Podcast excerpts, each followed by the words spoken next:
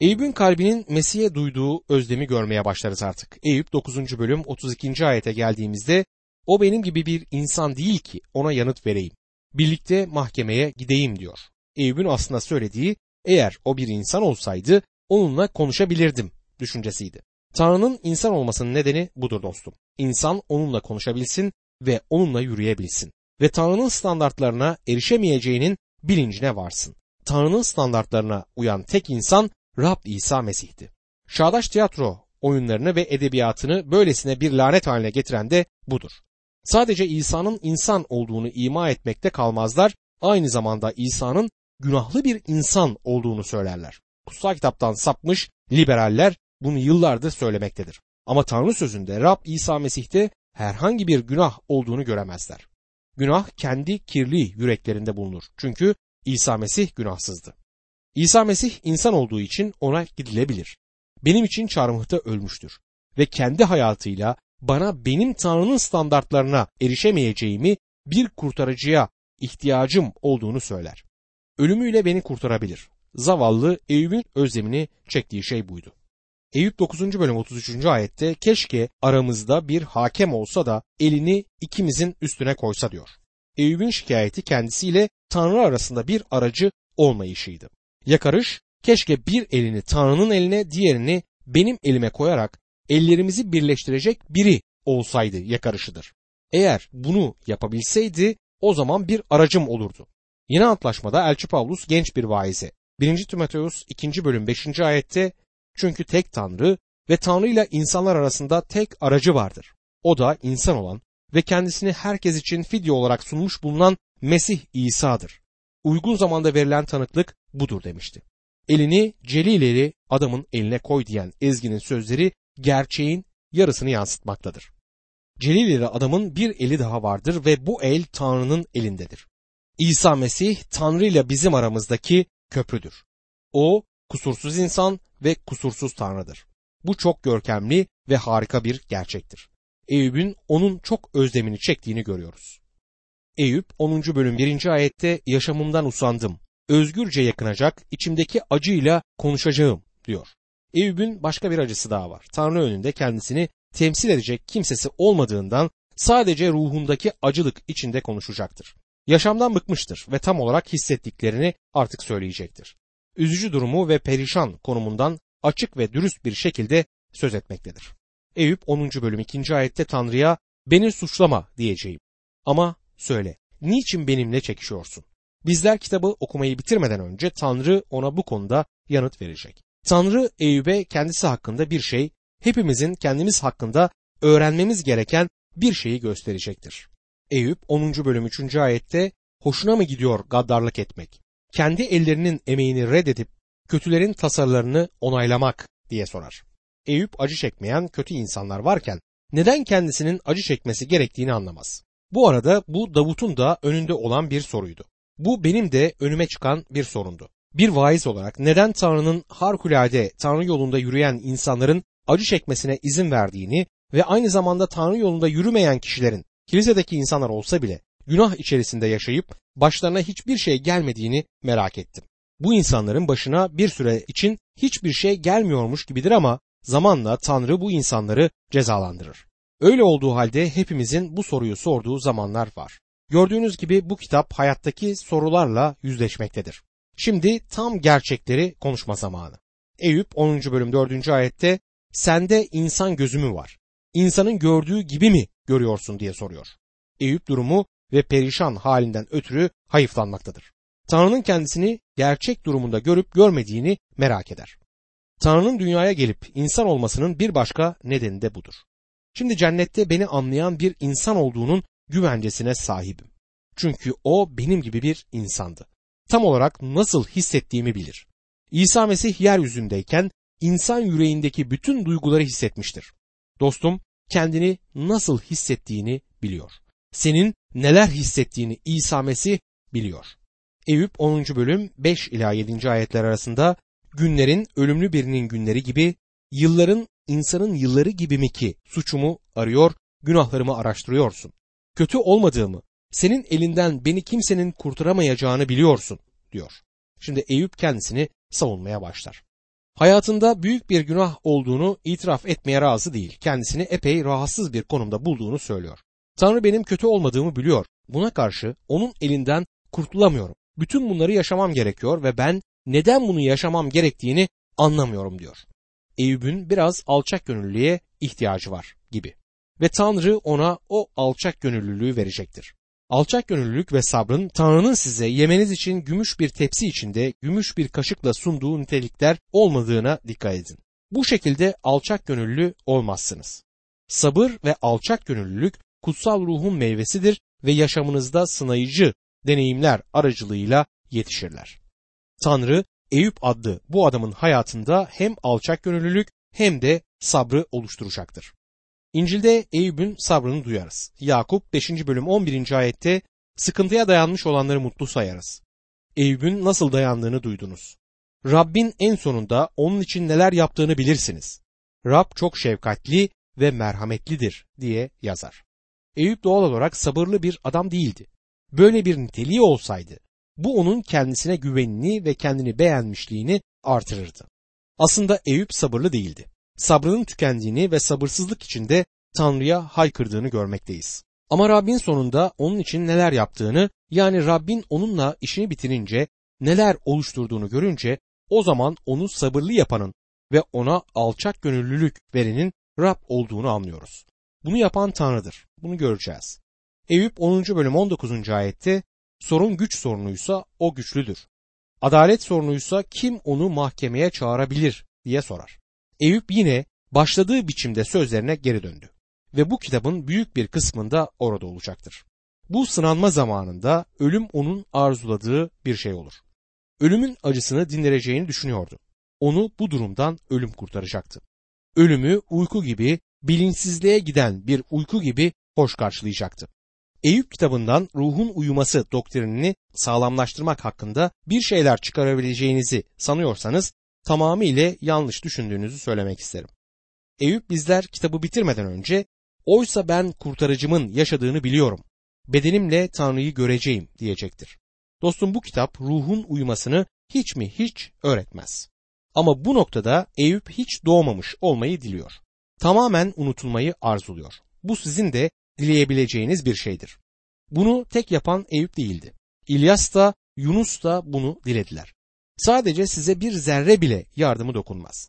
Hiç doğmamış olmayı arzulamak doğmuş olduğunuzu değiştirmez. Doğmamış olmayı dilemek zamanınızı boşa harcamaktır. Ve söylemek isterim bu arada ölmeyi arzulamanın da bir faydası yoktur. Kimse ölmeyi dileyerek ölmemiştir. Ölmeyi arzuladığını söyleyenlerin birçoğunun bunu gerçekten istediğini düşünmüyorum. Sadece konuşuyoruz. İnsanlar ölümle yüz yüze geldiklerinde yaşamayı gerçekten isterler. Bence eğer Eyüp gerçekten ölümle yüz yüze gelseydi o da ölmüş olmayı istemeyecekti. Ama şu anda ruhunun derinliklerini döküyor ve bu adamın doğruluğunda bir kırılma görüyoruz. Tanrı'nın onun yüreğine erişmesi gerekecektir. Günümüzde Tanrı'nın kutsallarının birçoğunun gururlu, katı yürekleri bulunuyor. Bazen Tanrı'nın bize de Eyüp'e yaptıklarını yapması gerekiyor. Eyüp 11. bölümde Sofar'ın ilk konuşmasını görürüz. Şimdi Eyüp'ün arkadaşlarından sonuncusuyla tanışıyoruz. İsmi Sofar'dır ve yasa yanlısıdır.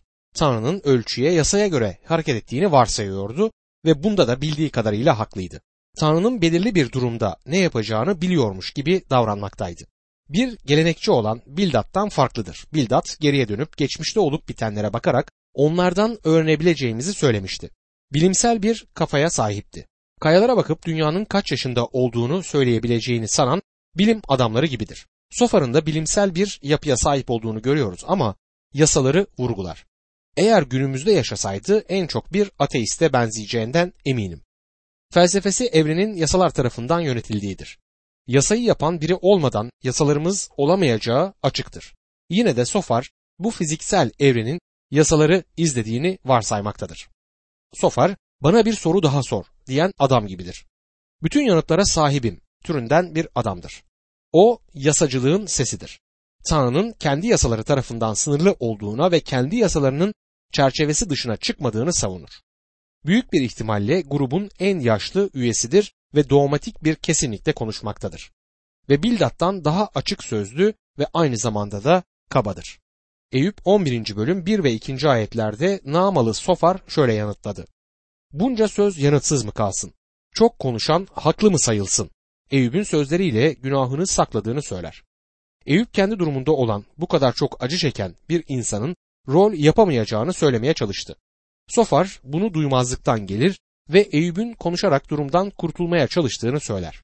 İçlerinde oldukları durumlardan kurtulmak için konuşan insanlar olduğu ve sözcükleri akıllıca kullanan insanlar olduğu doğrudur.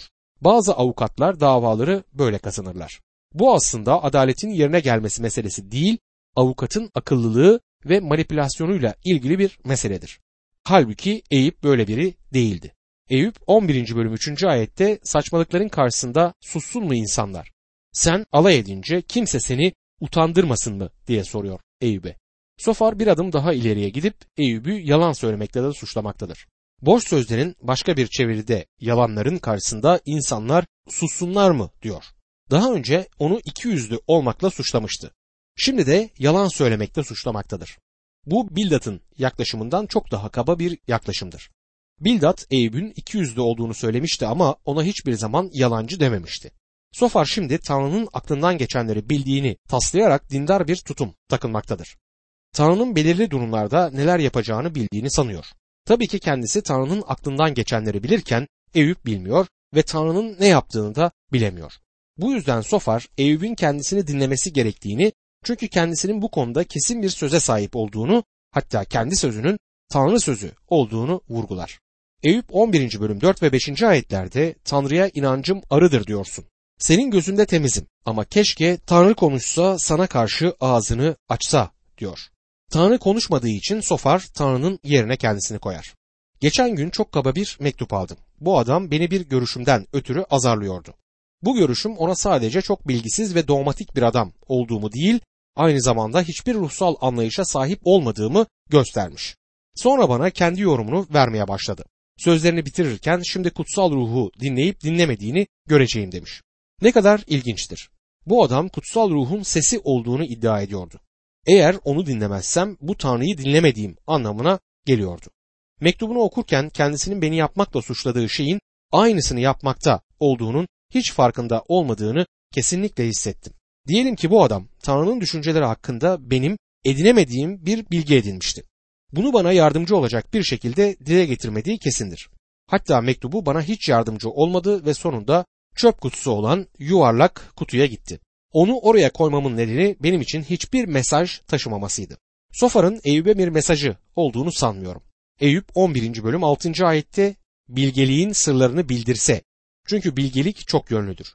Bil ki Tanrı günahlarından bazılarını unuttu bile diyor. Ve Eyüp'e söylediği sözler bir teselli değil, bir darbeyi oluştururlar. Eyüp'e başına gelenlerin aslında hak ettiklerinin yarısı bile olmadığını söyler. Şimdi bu gerçekten katı bir sözdür. Eyüp'ün bu kadar acı çekmesinin dostlarının hayal bile edemediği kadar kötü olduğunu gösterdiğini söylüyor. Sofar Eyüp'ün durumundaki bir adam için hiç yardımcı olan birisi değildir. Bütün bunlar olup biterken Eyüp'ün çok hasta bir adam olduğunu ve büyük acılar içerisinde olduğunu hatırlamalıyız.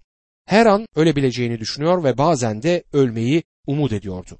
Eyüp 11. bölüm 7. ayette Tanrı'nın derin sırlarını anlayabilir misin? Her şeye gücü yetenin sınırlarına ulaşabilir misin diye soruyor.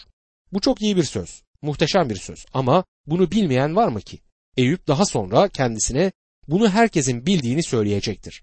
Hiç kimse Tanrı'yı keşfedemez. Tanrı kendisini vahiy yoluyla açıklayandır. Tanrı'yı tanıyabilmenin tek yolu onun kendisi hakkında bize göstermek istedikleridir. Ben Tanrı'nın bizlere kendisi hakkında çok az şey bildirdiği sonucuna vardım. Hatta bize bildirdiği birazcık bile bazılarımızı o denli huşuya düşürüp o denli kafamızı karıştırmıştır ki bize kendisi hakkında neden daha çok şey bildirmediğini anlayabiliyoruz. Tanrı'yı tanımak için Christoph Kolomb gibi onu aramaya başlayamazsınız. Bir Sputnik füzesinin içinde uzaya giderek de Tanrı'yı bulamazsınız. Rusların uzay araştırmalarının ilk zamanlarında uzayda Tanrı'yı bulamadıklarını gazetelerde yazdıklarını hatırlıyorum. Bu yüzden Tanrı'nın orada olmadığına karar vermişlerdir. Uzaya küçük aletler koyabiliriz ama onlar Tanrı'yı bulamaz. Bunlar oldukça gülünç iddialardır. İnsan bir mikroskopla bakarak ya da bir teleskopla uzaya bakarak Tanrı'yı keşfedemez. Tanrı kendini insana bildirmelidir. Sofar'ın söylediği derin bir sözdür ama Eyüp için yeni bir şey değildir. Eyüp 11. bölüm 8 ve 9. ayetlerde onlar gökler kadar yüksektir. Ne yapabilirsin? Ölüler diyarından derindir. Nasıl anlayabilirsin? Ölçüleri yeryüzünden uzun, denizden geniştir diyor. Tanrı hakkında harikulade ve oldukça iddialı sözlerdir bunlar. Ama bütün bunlar Eyüp'ün gereksinimine hitap etmezler. Eyüp 11. bölüm 10 ila 12. ayetler arasında gelip seni hapsetse, mahkemeye çağırsa kim ona engel olabilir? Çünkü o yalancıları tanır, kötülüğü görür de dikkate almaz mı? Ne zaman yaban eşeği insan doğurursa aptal da o zaman sağduyulu olur diyor. Tabii ki burada kendisinden değil Eyüp'ten söz etmektedir. Kendisinin yanıta sahip kişi olduğundan emindir. Eyüp 11. bölüm 13 ve 14. ayetlerde ona yüreğini adar, ellerini açarsan, işlediğin günahı kendinden uzaklaştırır, çadırında haksızlığa yer vermezsen diye devam ediyor. Yine Eyüp'e onun bir şeyi sakladığını, Eyüp'ün yaşamında gizli bir günah olduğunu temel alarak yaklaşmaktadır. Eyüp'ün üç arkadaşından her biri de Eyüp'ün bir şey sakladığını varsayarlar. Eyüp yapmayı bırakması gerektiği herhangi bir şey olduğunun farkında değildi ama daha sonra göreceğimiz gibi bir şey vardı. Eyüp 11. bölüm 15 ila 17. ayetler arasında utanmadan başını kaldırır, sağlam ve korkusuz olabilirsin. Sıkıntılarını unutur, akıp gitmiş sular gibi anarsın onları. Yaşamın öğlen güneşinden daha parlak olur. Karanlık sabaha döner diyor. Sofar'ın söylediği özetle şudur. Yaşamındaki günahı ele alır ve onunla savaşmaktan vazgeçersen Tanrı seni işitecek ve dualarını yanıtlayacak, sana eski konumunu verecektir diyor. Eyüp 11. bölüm 20. ayette ise ama kötülerin gözlerinin feri sönecek, kaçacak yer bulamayacaklar. Tek umutları son soluklarını vermek olacak diye ekler. Eyüp'e gizli günahını itiraf etmezsen Tanrı'nın yargısının başına geleceği gün yakındır diyerek sözlerini bitiriyor. Tanrı'nın mutlak ve tam yargısını kehanet etmektedir. Bu sözlerle Sofar'ın Eyüp'e hitabı yani aslında saldırısı sona erer. Üç arkadaşın her biri de şimdi düşüncelerini bildirmişlerdir. Eyüp ona kitabın en uzun konuşmalarından biri olacak sözlerle yanıt verecektir. Eyüp 12. bölümde Eyüp'ün üç arkadaşına yanıt verdiğini görüyoruz. Bu bölümde verdiği uzun yanıt ilk konuşmaları sona erdirmektedir. Eyüp'ün günlerinde insanların entelektüel yarışmalardan yani insanların birbirleriyle kafalarıyla mücadele etmekten hoşlandıklarını hatırlatmak isterim. Şimdi ise günümüzde popüler olan beyinsel yarışmalar değil atletik yarışmalardaki bedensel kuvvet yarışlarıdır. Eyüp 12. bölüm 1 ve 2. ayetlerde Eyüp şöyle yanıtladı. Kendinizi bir şey sandığınız belli ama bilgelik de sizinle birlikte ölecek. Bunun alaycı bir söz olduğunu kabul etmek lazım ve tam gediğine oturtmuştur. Eyüp siz bütün yanıtlara sahip olduğunuzu düşünüyorsunuz. Siz halksınız ve tüm yanıtlara sahip olduğunuzu düşünüyorsunuz der. Halk sizsiniz ve bilgelik sizinle birlikte ölecek diye yanıt verir. Eyüp ahmağın tekiymiş ve kendileri bütün yanıtlara sahiplermiş gibi konuşuyorlardı. Eyüp 12. bölüm 3. ayette sizin kadar benim de aklım var. Sizden aşağı kalmam. Kim bilmez bunları diye soruyor. Eyüp de onların bildiği kadarını bilir. Sorun onların sorunun ne olduğunu görüp ona bir şey söylememiş olmalarıdır. Bu konuşmalarda dikkatinizi çekmek istediğim bir şey var ki onları bekleyip geldikçe göresiniz. Bu konuşmalarda zaman zaman dikkatinizi çektiğim noktalar olacak. Üç arkadaş Eyüp'ü öz eleştiriye yöneltmek yerine sadece kendini savunmaya itmektedirler. Yani Eyüp'ü kendini savunmaya zorlarlar ve bir şekilde ona saldırırlar. Sahneye Tanrı'yı sokmadılar. Bir merhamet tanrısı ve lütuf tanrısından değil, bir yasa tanrısından söz ettiler. Tanrı bir yasa tanrısı olduğu halde aynı zamanda lütuf ve merhametin de tanrısıdır. Olaya deneyimi, geleneği ve şeriatçiliği getirdiler ama gerçeği getiremediler. Eyüp'e karşı suçlamalarda bulunduklarında bu durum Eyüp'ün kendisini savunmasına ve kendisinin doğru olduğunu bildirmesine neden oldu. Eyüp kendini haklı çıkartmaya başladığı an Tanrı'yı haklı çıkartmıyordu. Bu ana dek Eyüp Tanrı'nın hatalı olduğunu ve eleştirilmesi gerekenin Tanrı olduğunu söylüyor gibidir. Bugünümüzde birçok insanın hatta birçok Mesih inanlısının takındığı tutumdur. Arkadaşları onu kendisini suçlayıp Tanrı'yı haklı çıkartmaya yöneltmeliydiler ancak tersi oldu. Tanrı bu gerçeği bildirmek için bütün bu konuşmaları sözünde kaydetmiştir. Eyüp'ün söyledikleri Tanrı'nın huzurunda olmaktan kaynaklanan gerçek ruhta kırıklık ve aklın alçak gönüllülüğünden ne kadar uzakta olduğunu kanıtlamaktadır.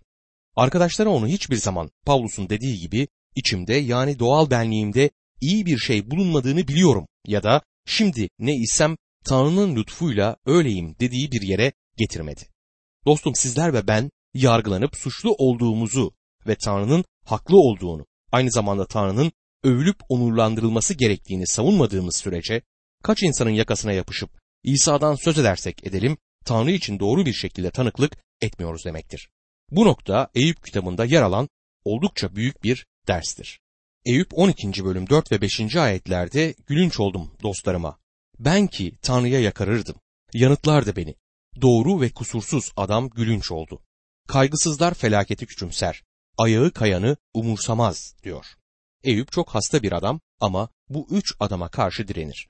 Onlara siz rahat bir konumdasınız ve bana öğüt verebiliyorsunuz ama benim ayağım kayıyor ve bana söyleyecek hiçbir sözünüz yok demektedir. Doktor Vernon Maggie şöyle diyor. Yıllar boyunca vaiz olarak hizmet ettim ve şimdi yaşamlarımıza nasıl profesyonel bir tutumun girdiğini görüyorum. Hasta, hatta ölmekte olan birini görmeye hastaneye gidip elini tutup Tanrı seninle olsun derler. Sonra da Tanrı sana yol gösterecektir. Sonra da çıkar giderdim. Ama birisini ziyaret etmeye değil, o yatakta kendim yatmak üzere hastaneye gittiğim gün geldi. Çıkıp gidemedim. Orada kaldım. Dostum size şunu söylemek isterim ki bu oldukça farklı bir durumdur. Şimdi ben diğer adamın konumundaydım. Şimdi ben yataktaydım ve ameliyat olacaktım. Bu size yardım ve teselli edecek bir dosta ihtiyacınız olduğu bir zamandır. Eyüp'ün ihtiyaç duyduğu şey işte buydu. Bölümün geri kalanı boyunca Eyüp arkadaşlarının üstün bir bilgeliğe sahip olmadığını söyler. Tanrı hakkında bir şeyler bilenler sadece onlar değildir. Eyüp de Tanrı'nın insanların yaşamlarındaki gücü hakkında bir şeyler bilmektedir. Eyüp 13. bölüme geldiğimizde Eyüp'ü acılık dolu ve alaycı bir şekilde görürüz. Arkadaşları ona hiç yardımda bulunmazlar ve Tanrı'ya direkt olarak başvurmanın özlemini çeker. Eyüp 13. bölüm 1 ve 2. ayetlerde işte gözlerim her şeyi gördü, kulağım duydu, anladı. Sizin bildiğinizi ben de biliyorum. Sizden aşağı kalmam diyor Eyüp. Arkadaşlarının kendisine anlattığı bütün gerçekleri bilmektedir.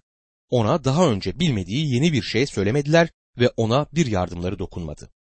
Eyüp 13. bölüm 3. ayette ama ben her şeye gücü yetenle konuşmak, davamı Tanrı'yla tartışmak istiyorum diye ekler. Eyüp arkadaşlarını es geçip direkt olarak Tanrı'ya başvurmak istemektedir. Eyüp Tanrı ile konuşmak istiyor. Keşke orada Eyüp'e Tanrı'nın merhameti ve lütfundan ve kendisine nasıl yardım etmek istediğinden söz edecek birisi olsaydı. Eyüp 13. bölüm 4. ayette sizlerse yalan düzüyorsunuz. Hepiniz değersiz hekimlersiniz diyor. Arkadaşlarının onun durumunu anlamadıklarını ve ona yardımcı olmadıklarını tekrar etmektedir. Hastası şeker hastası olup da ona akciğerlerinin alınması gerektiğini söyleyen bir doktor gibidirler. Onun durumunu hiç anlamazlar.